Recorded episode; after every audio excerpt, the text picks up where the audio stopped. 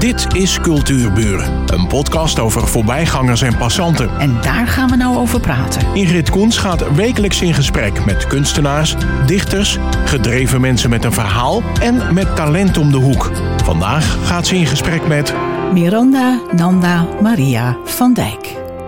Geboren in 1965 in Zuid-Limburg in een nonnenkliniek voor ongehuwde moeders. Ze werd afgestaan bij de geboorte. Toen ze één jaar oud was, werd ze opgenomen in een dysfunctioneel pleeggezin. En zij trok zich terug op haar kamertje. Zingen, liedjes schrijven, gitaar en piano spelen, het optreden met bandjes. Kortom, muziek werd Miranda's ultieme taal. En schrijven werd haar tweede. Haar levensmotto: Taboes doorbreek je niet door achterover te leunen en stilzwijgend in te stemmen. Je moet zo af en toe door iets heen denderen, jezelf wakker schudden. Wauw, wat een vrouw. Je liet je niet tegenhouden en niet terughouden door je verleden. En het was best heftig. Hoe heb je dat gedaan? Hm, nou, allereerst uh, fijn dat ik hier mag zijn vandaag, Ingrid. En uh, dat, uh, dat was natuurlijk een korte samenvatting van mijn verleden. en ik ben wel een mens die erg nu in het heden leeft. Hè? Je kunt jezelf overstijgen en overwinnen. maar de, hoe ik dat gedaan heb is... ehm, ja, allereerst natuurlijk in de interactie met andere mensen word je op het moment dat je inderdaad een, een dergelijk traumatisch verleden hebt, word je natuurlijk getriggerd op het moment dat je intieme relaties aangaat. Vriendschappen, hè, collega's, maar uh, hè, ook liefdesrelaties. En daarin kwam ik natuurlijk mijn uh, moederwond tegen. En uh, mijn verlatingsangst en dergelijke. En daar moest ik natuurlijk wat mee. En daar heb ik op een later moment, ja, jaren negentig of zo, heb ik daar wel concreet actie op ondernomen. En heb ik vijf jaar traumatherapie gedaan, drie trajecten van ongeveer anderhalf jaar. En ben ik dat aangegaan wat me belemmerde om een vrij en gelukkig mens te worden. Dus zo heb... heb... ik dat gedaan. Ja, even tussen twee haakjes. Ja, het was nogal een tocht hoor, dus ja. Ah, we komen nog ja, een paar dingen ja, terug. Ja. Uh, nog even een gevleugelde uitspraak van jou. Mhm. Ik droeg vrij lang de illusie mee dat geluk en blijheid vanuit de buitenwereld moest komen. Maar alles zit uiteindelijk in jezelf. Ja, absoluut. Ja. Daar ben ik achter gekomen. Met mij nog velen. Hè, die ik nu als uh, uh, senior therapeutisch counselor mag begeleiden in hun transformatieproces. Want daar heb je het eigenlijk over. Hè? Een innerlijke tocht, een innerlijke transformatie en een bevrijding naar wat er in essentie al in zit in jou. Uh, de onbelastheid, de vrijheid, de blijheid de heelheid ook, hè, die we verliezen door bijvoorbeeld op zo'n ja, tragische wijze op de wereld gezet te worden. Hè, door een ja, biologisch verkrachte moeder en die kon niet voor me zorgen. Dus dat is al meteen een afscheid. Hè? Dat is al meteen een trauma, bij geboorte al. En dan uh, ja, later in een gezin opgroeien wat niet paste en niet klopte. En waar ook een hoop uh, trauma's waren van de, van de adoptieouders. Dus, maar dat is te overstijgen. Ja, maar je moet het wel doorhebben wat er aan de hand is. Ja. Ja, en dat had ik gelukkig. Ja, deze uitspraak die pakte mij ook. Hè? Want ja. je neemt natuurlijk allemaal je, je rugzak mee in die weg door het leven. Jawel, maar je kunt hem ook erg leeg maken.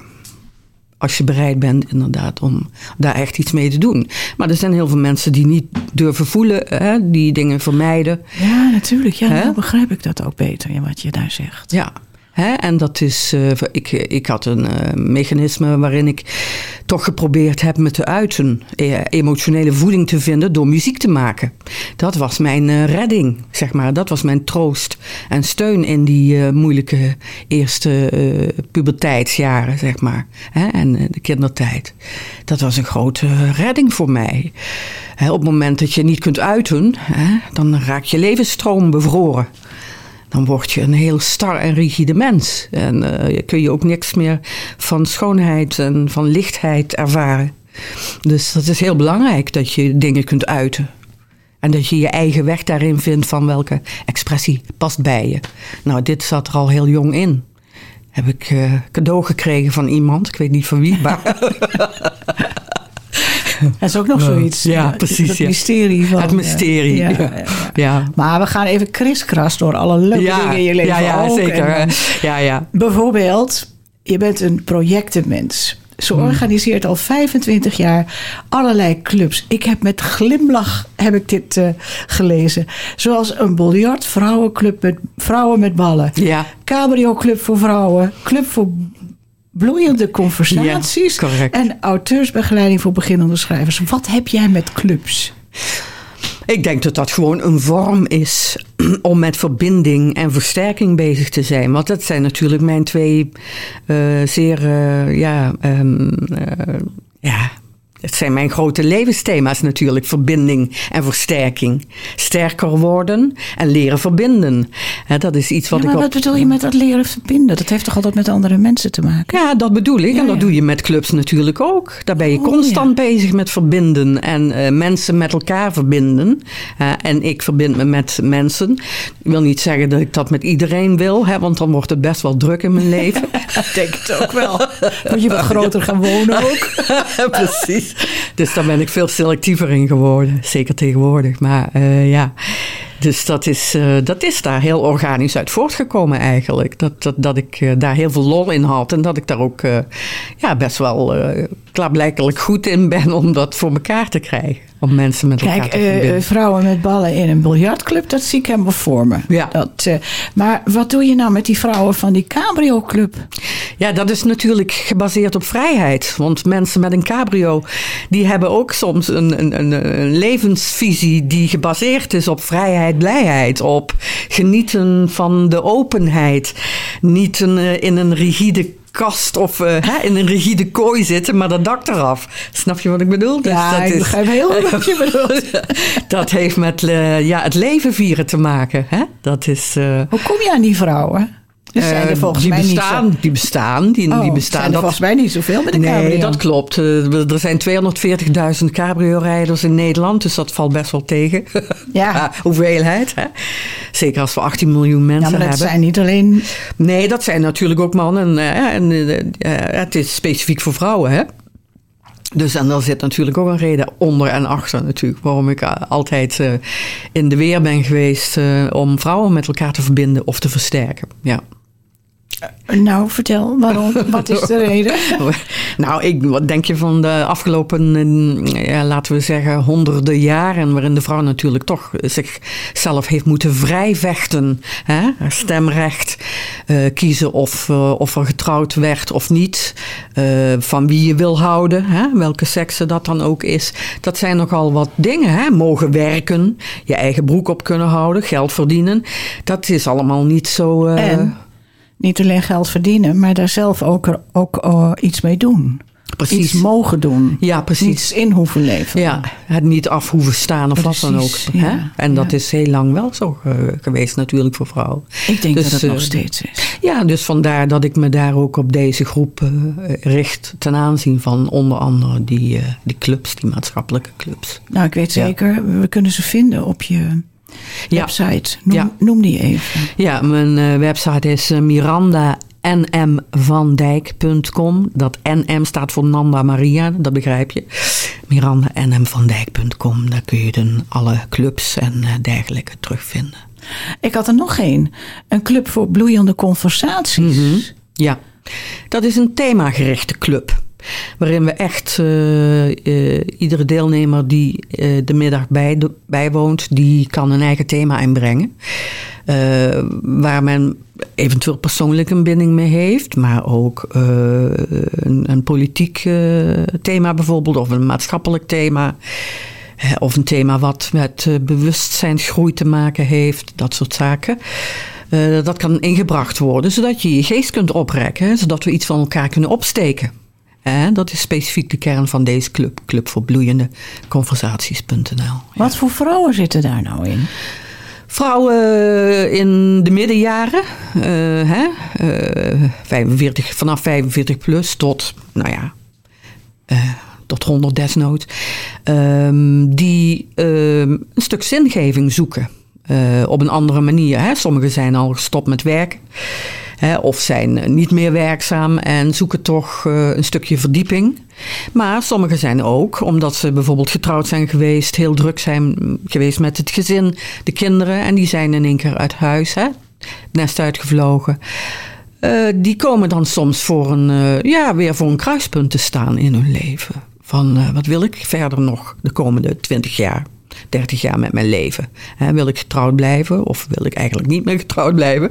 Dat zijn grote, cruciale eh, vragen die gesteld worden, zeker in die leeftijd. En ehm, ja, dan is het fijn om daar met andere vrouwen over te kunnen praten. Om En- daar eventueel nieuwe ideeën over te krijgen. Ja, ja, dat geloof ik graag. Ja. Het enige wat ik eh, eh, niet kon vinden is waar vinden die bijeenkomsten plaats? Bij de dames die deelnemen thuis. Iedereen, Oh. iedereen is zelf gastvrouw, één keer eh, in het jaar. Ja. En zo leren we. Dus we komen ook nog in de huiselijke sfeer. Het zijn toch over het algemeen best wel hele ja, vertrouwelijke onderwerpen. Dus dan is het mooi dat dat niet in een druk restaurant besproken wordt. Nee. waar een heleboel lawaai en mensen omheen lopen. En dat er toch ook een stukje vertrouwelijkheid kan zijn hè, tijdens die middagen. Ja, Oh, dat vind ik inderdaad een hele mooie insteek. ja. Ergens schrijf je. Sommige mensen zijn helemaal geen leuk gezelschap voor zichzelf. Omdat ze zichzelf afwijzen en zelfs saboteren. ja. En dan moet je je afvragen: kan ik een fijn gezelschap voor mezelf zijn? Maar hoe doe je dat dan? Nou, het is natuurlijk ontzettend handig als je jezelf kent. Hè? En, Ja, eh, want je moet, je moet, daar moet je toch mee beginnen, lijkt mij. ja, maar heel veel natuurlijk, ik bedoel, we leven nu natuurlijk in een moderne tijd waarin mensen allerlei mogelijkheden hebben om keuzes te maken die niet specifiek gericht zijn op eh, 40 jaar bij dezelfde werkgever werken of ook 40 jaar getrouwd blijven. Hè? Dat is een iets oudere generatie die, die daar wel erg sterk mee zijn opgegroeid. Maar jezelf leren kennen gebeurt natuurlijk op het moment dat jij ook even tijd met jezelf kunt hebben. En sommige Ja, mensen maar zijn wacht zo. Ja? Ik kom even eventjes terug. Ehm, ehm, sommige mensen zijn geen leuk gezelschap voor zichzelf. Ja. Daar moet je toch met een klap achter komen. Dat doet toch zeer? Wie vertelt Ja. jou dat Ja. dan? Nou ja, eh, Hoe, hoe pak je dat dan aan? ah, sommige mensen leven ook met een zelfbeeld. Hè? Eh, dat soms niet, ge- niet, niet met de realiteit overeenkomt. Hè? Sommige, en dan in die zin van dat ze bijvoorbeeld opgegroeid zijn in een gezin waarin, eh, ehm, waarin men is afgebroken. Vernederd, gekleineerd, waarin men totaal geen ruimte heeft gehad voor de, voor de eigen ontwikkeling. Hè? Vooral bezig was met het gezin redden of de behoeften van anderen, hè? van de ouders of van de andere broers en zussen. Zorgen voor de anderen, hè? zorgen. Zeker die generatie, twee generaties terug, die, die, waren, die zijn ermee opgegroeid. Je moet dienstbaar zijn, je moet zorgen voor. En dan kom je soms heel lastig achter jezelf. eh, Van wie ben ik nou zelf? Wat heb ik nou zelf nodig? Wie ben ik zelf? Wat zit er in mij? En sommigen komen daar pas op eh, 40, 50-jarige leeftijd achter. Dat ze zichzelf eigenlijk helemaal niet zo goed kennen. En dat bedoel ik dan met eh, ja, jezelf eh, geen prettig gezelschap vinden. Van op het moment dat jij niet weet wie je zelf bent, heb je natuurlijk ook heel erg veel behoefte vaak aan constant in gezelschap zijn. Ja. Om Oh, maar ja. niet die vraag te hoeven stellen van wie ben ik nou zelf als ik hier alleen zit in mijn huis op de bank. En heb ik het dan fijn met mezelf? Want als je geen fijn zelfbeeld hebt, als je jezelf niet leuk vindt, als je niet van jezelf houdt of niet genoeg van jezelf houdt, dan is dat een hele moeilijke, moeilijke zaak, denk ik. Ja. En hoor ik ook heel vaak hè, van cliënten waar ik mee werk. Ja. Maar de stap naar jou toe moeten ze dan wel zelf maken. hè? Dat is vaak een hele grote stap. Hè? Ja. Er eh, heerst gelukkig ietsje minder, maar nog steeds wel enig taboe onder, eh, over, over hè, in therapie gaan of hulp zoeken, omdat je er zelf even niet uitkomt. Maar eh, het, is, het getuigt van heel veel moed. Ja. Dat is op de het eerste moment stap. Dat, Die- die die is eerste, al heel, dat is, heel dat, is, sterk dat is voor al de helft van het proces. Ja, ja, inderdaad. Ja. Ehm, er is geen ge- geschreven wet om gelukkig te worden. Dat vond ik ook zo. Mhm. Waar ik echt over na begon te denken. Geluk overkomt je niet. Mhm. Het is een toegewijde beoefening. Mhm. Maar hoe doe je dat dan? ja. Want je maakt toch verdriet mee. Je, je, Ja. je, Ja. wordt wanhopig in die reis door het leven. Ja, maar de acceptatie van dat mensen ook lijden en dat ze verdriet hebben, dat ze soms afscheid moeten nemen. Op het moment dat je dat kunt accepteren als onderdeel van je levensloop, van je levenspad, hè, dan komt er ook ruimte om daarin daarnaast ook het licht te zien en de blijheid en de mogelijkheden die er zijn en de schoonheid ook. Hè. Op het moment dat je uh, die acceptatie niet hebt dat, dat dat lijden eigenlijk niet moet, of dat dat verdriet niet kan, of uh, dat dat er niet mag zijn, dat je dat niet mag voelen. Vooral het niet mogen voelen is een grote tegenhouder voor ook geluk kunnen ervaren. Want geluk ervaren is uiteindelijk uh, een, een vaardigheid waarin je eigenlijk zegt van uh, we zitten hier nu ook op een zonnige middag en dan zie je de blauwe lucht nu en, en, en de warmte hè, die schijnt. En daar kan ik al schoonheid in zien. Op het moment dat je een levenshouding hebt waarin je daar open voor staat, hè, voor die hele simpele dingen die heel dichtbij zijn. Uh, dan is dat al een, een, hele grote stap in richting van, van uh, geluksmomenten ervaren. Want geluk is, geluk is geen constante staat natuurlijk. Nee, dat nee, is absurd. Nee, nee. hè? Zwart is er ook niet zonder wit. Absoluut, heeft elkaar zo. nodig. Ja. Hè? Je hebt je vierde boek gepubliceerd en dat heet De Vleugels van Moed. Mhm. Hoe kwam je op die titel? Omdat mensen uh, kunnen gaan vliegen op het moment dat ze moedig durven zijn. Vliegen in de metaforische betekenis uiteraard. Hè? Niet dat je nou op je balkon moet gaan staan. Hè? En het moet denken, ik kan vliegen. Maar meer dat je jezelf kunt overstijgen.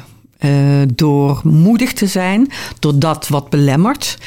Want uh, geluk is eigenlijk een um, staat van zijn die ieder mens heeft. Op het moment dat je geboren wordt, is die staat van zijn er. Maar er wordt op dat moment alweer door opvoeding, door cultuur, door ervaringen, uh, wordt dat geluk zeg maar ondergesneeuwd komt onder een laag te liggen.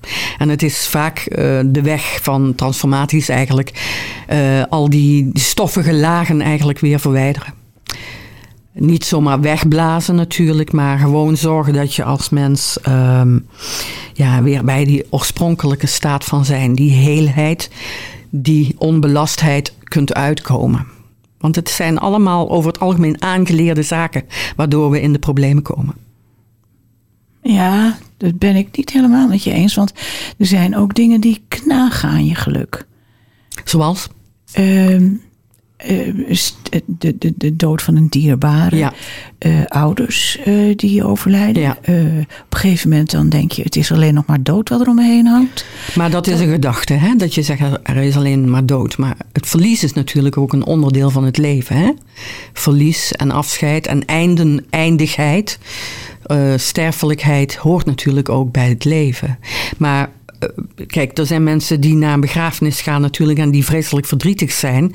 En er zijn mensen die naar een begrafenis gaan die het leven van de overledene gaan vieren. Kijk, dat zijn twee uitgangspunten.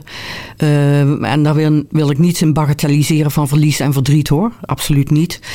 Maar er zijn manieren om daar op een bepaalde manier naar te gaan kijken, waardoor het lichter wordt waardoor Ja. het draagbaarder wordt. Ja, hè? ja, ja dat, eh, dat herken ik ook. Ja. Ehm, dat vierde boek, waar gaat dat over? Want ik, ik hoor je nu zo praten. Mhm. En vleugels van moed, hè, de, de, de moed die we Mhm. duidelijk al hebben gezien als je een durft in te breken op jezelf. eh, door naar iemand toe te gaan die je kan helpen. Bijvoorbeeld. Ja. Want dat vind ik, een, dat vind ik altijd een heel moedige, moedige Grote stap voor velen. Ja. Maar ook nieuwsgierig Dus zijn, wat hè? staat er dan in dat boek? Daar staat best wel heel veel in. Het is nou uh, te, hè, te korte tijd om daar heel, uh, heel uitvoerig nog op in Maar te gaat gaan. dat ook over die, dat welzijn in de. Het welzijn. Ja, ja. precies. Ja, de goede zin van het woord. Ja, precies. Het gaat uiteindelijk over dat wat we kunnen afwerpen. Want daar gaat het om. ah, ja. Wat we kunnen Dat begrijp afwerpen, waardoor er iets vrijkomt wat er eigenlijk altijd al was. We hebben vanuit conditionering, wat we in ons gezin hebben geleerd, wat eh, correct is en wat niet correct is, wat eh, de juiste weg is en wat niet de juiste weg is. Dat zijn allemaal aangeleerde zaken natuurlijk, die we waar we baat bij kunnen hebben, maar die ons so- soms ook kunnen bezeren. En, en vast kunnen zetten. Hè? Waardoor we, eh, En ons hinderen. en ons hinderen Ja. om inderdaad die vrijheid en die blijheid te kunnen gaan voelen als mens.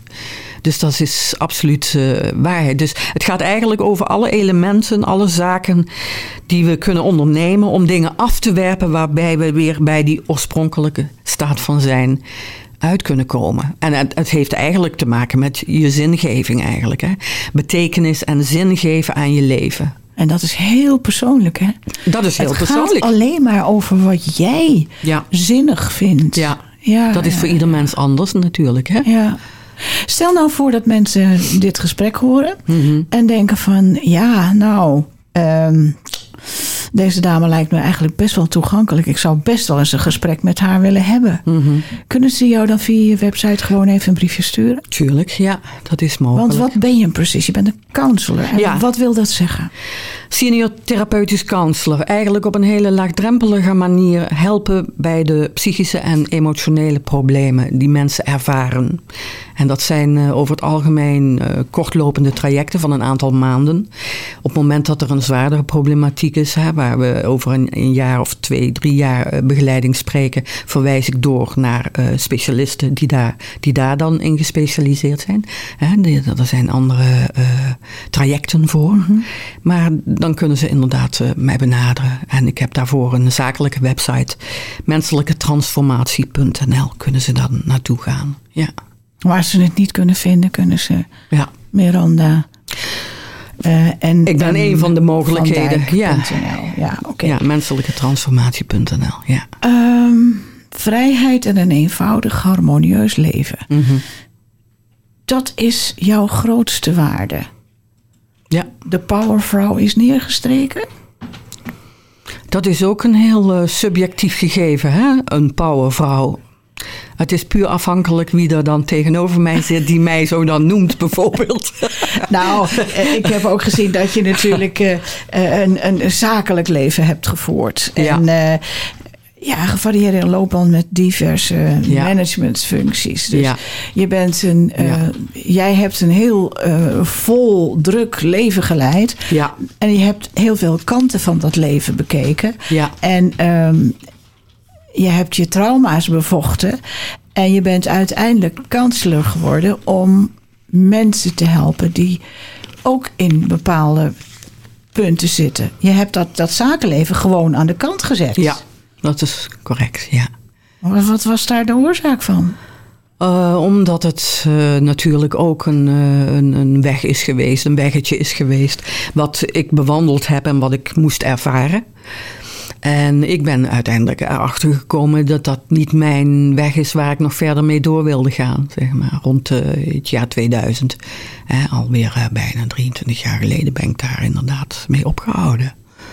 En ehm, dat was een hele goede keuze, omdat het inhumane karakter van het bedrijfsleven, waarin eh, ja, er natuurlijk erg gekeken werd naar, naar omzet, naar winst. En te weinig in mijn. Zakelijk, en, ja, hè? en te weinig naar, naar het menselijk welbevinden. Daar gaan we weer, hè? Daar, die richting op. Ja, maar ik, ik vind je ook een ontzettend gevoelig, emotioneel Ja. eh, mens. En eh, die banen eigenlijk in dat management en Ja. echt die harde zakenwereld. Ja. Dat past eigenlijk ook niet meer bij jou. Hè? Nee, nee, zeker niet. eh, zeker al heel lang niet meer. Maar het was natuurlijk wel een hele, ja, toch een leerzame periode. Waarin ik, eh, ik ben ook een regelaar. Hè? Dat ben Ja, ik ook. dat Dat, is duidelijk. ik, ja. Dat is duidelijk. en ik heb ook zeker een zakelijke kant. Maar ehm, ik kon eh, inderdaad me niet meer vinden in, in, in, in die cultuur die binnen die bedrijven heerste. En, Ik ben daar heel blij om, want dit Ja. vond ik een heerlijk gesprek. Ja. We zijn aan het eind. Oh, wat jammer. ik wil je in ieder geval even hartelijk be- bedanken. Ja. En zou jij een gedicht voor willen lezen? Want ook dat schrijft Miranda. Gedichten. Ja, en ehm, ik had er een drietal eh, meegenomen hè, op jouw verzoek. En ehm, afhankelijk van hoe ons gesprek zou lopen, zou ik er een eentje uitkiezen. En ik denk dat het dan toch wordt liefdesbrief aan het leven. Ja, hè? prachtig. Ja, ja. Dus hier gaan we, liefdesbrief aan het leven. Vandaag stroom ik over van liefde voor je en moet ik je schrijven. We kennen elkaar al zo immens lang en elk jaar word je mooier en rijker. Je hebt mij zoveel geleerd over wie ik ben en wat jouw essentie is. Mijn dankbaarheid groeit nog steeds met elke stap die ik zet. De tranen rollen over mijn wangen als ik denk aan ons begin. Je daagde mij genadeloos uit en ik voelde mij lang verloren. Ik wist niet wat ik van jou moest denken en welke betekenis alles had. Elk moment van vertwijfeling dat mijn adem stokte, wist je mij toch gerust te stellen. Je heldere stemleven zei elke keer dat het goed zou komen, dat ik moest vertrouwen. En dat heb ik gedaan. Ik vertrouwde op jou, dat je me alles zou laten ervaren wat ik nodig had om uiteindelijk te kunnen worden wie ik ben en die ik eigenlijk altijd al was. Ik zal nooit vergeten hoe liefdevol je mijn tranen droogde na de verliezen die ik meemaakte. Dat je mijn hand vasthield als ik het niet meer wist en dat mijn moed daardoor groeide. Zelfs in mijn donkerste uren heb je me niet in de steek gelaten. Ik leerde op jou te vertrouwen. Leven. Jij bent niet zomaar en de naam die je draagt ervaar ik als een groot geschenk leven.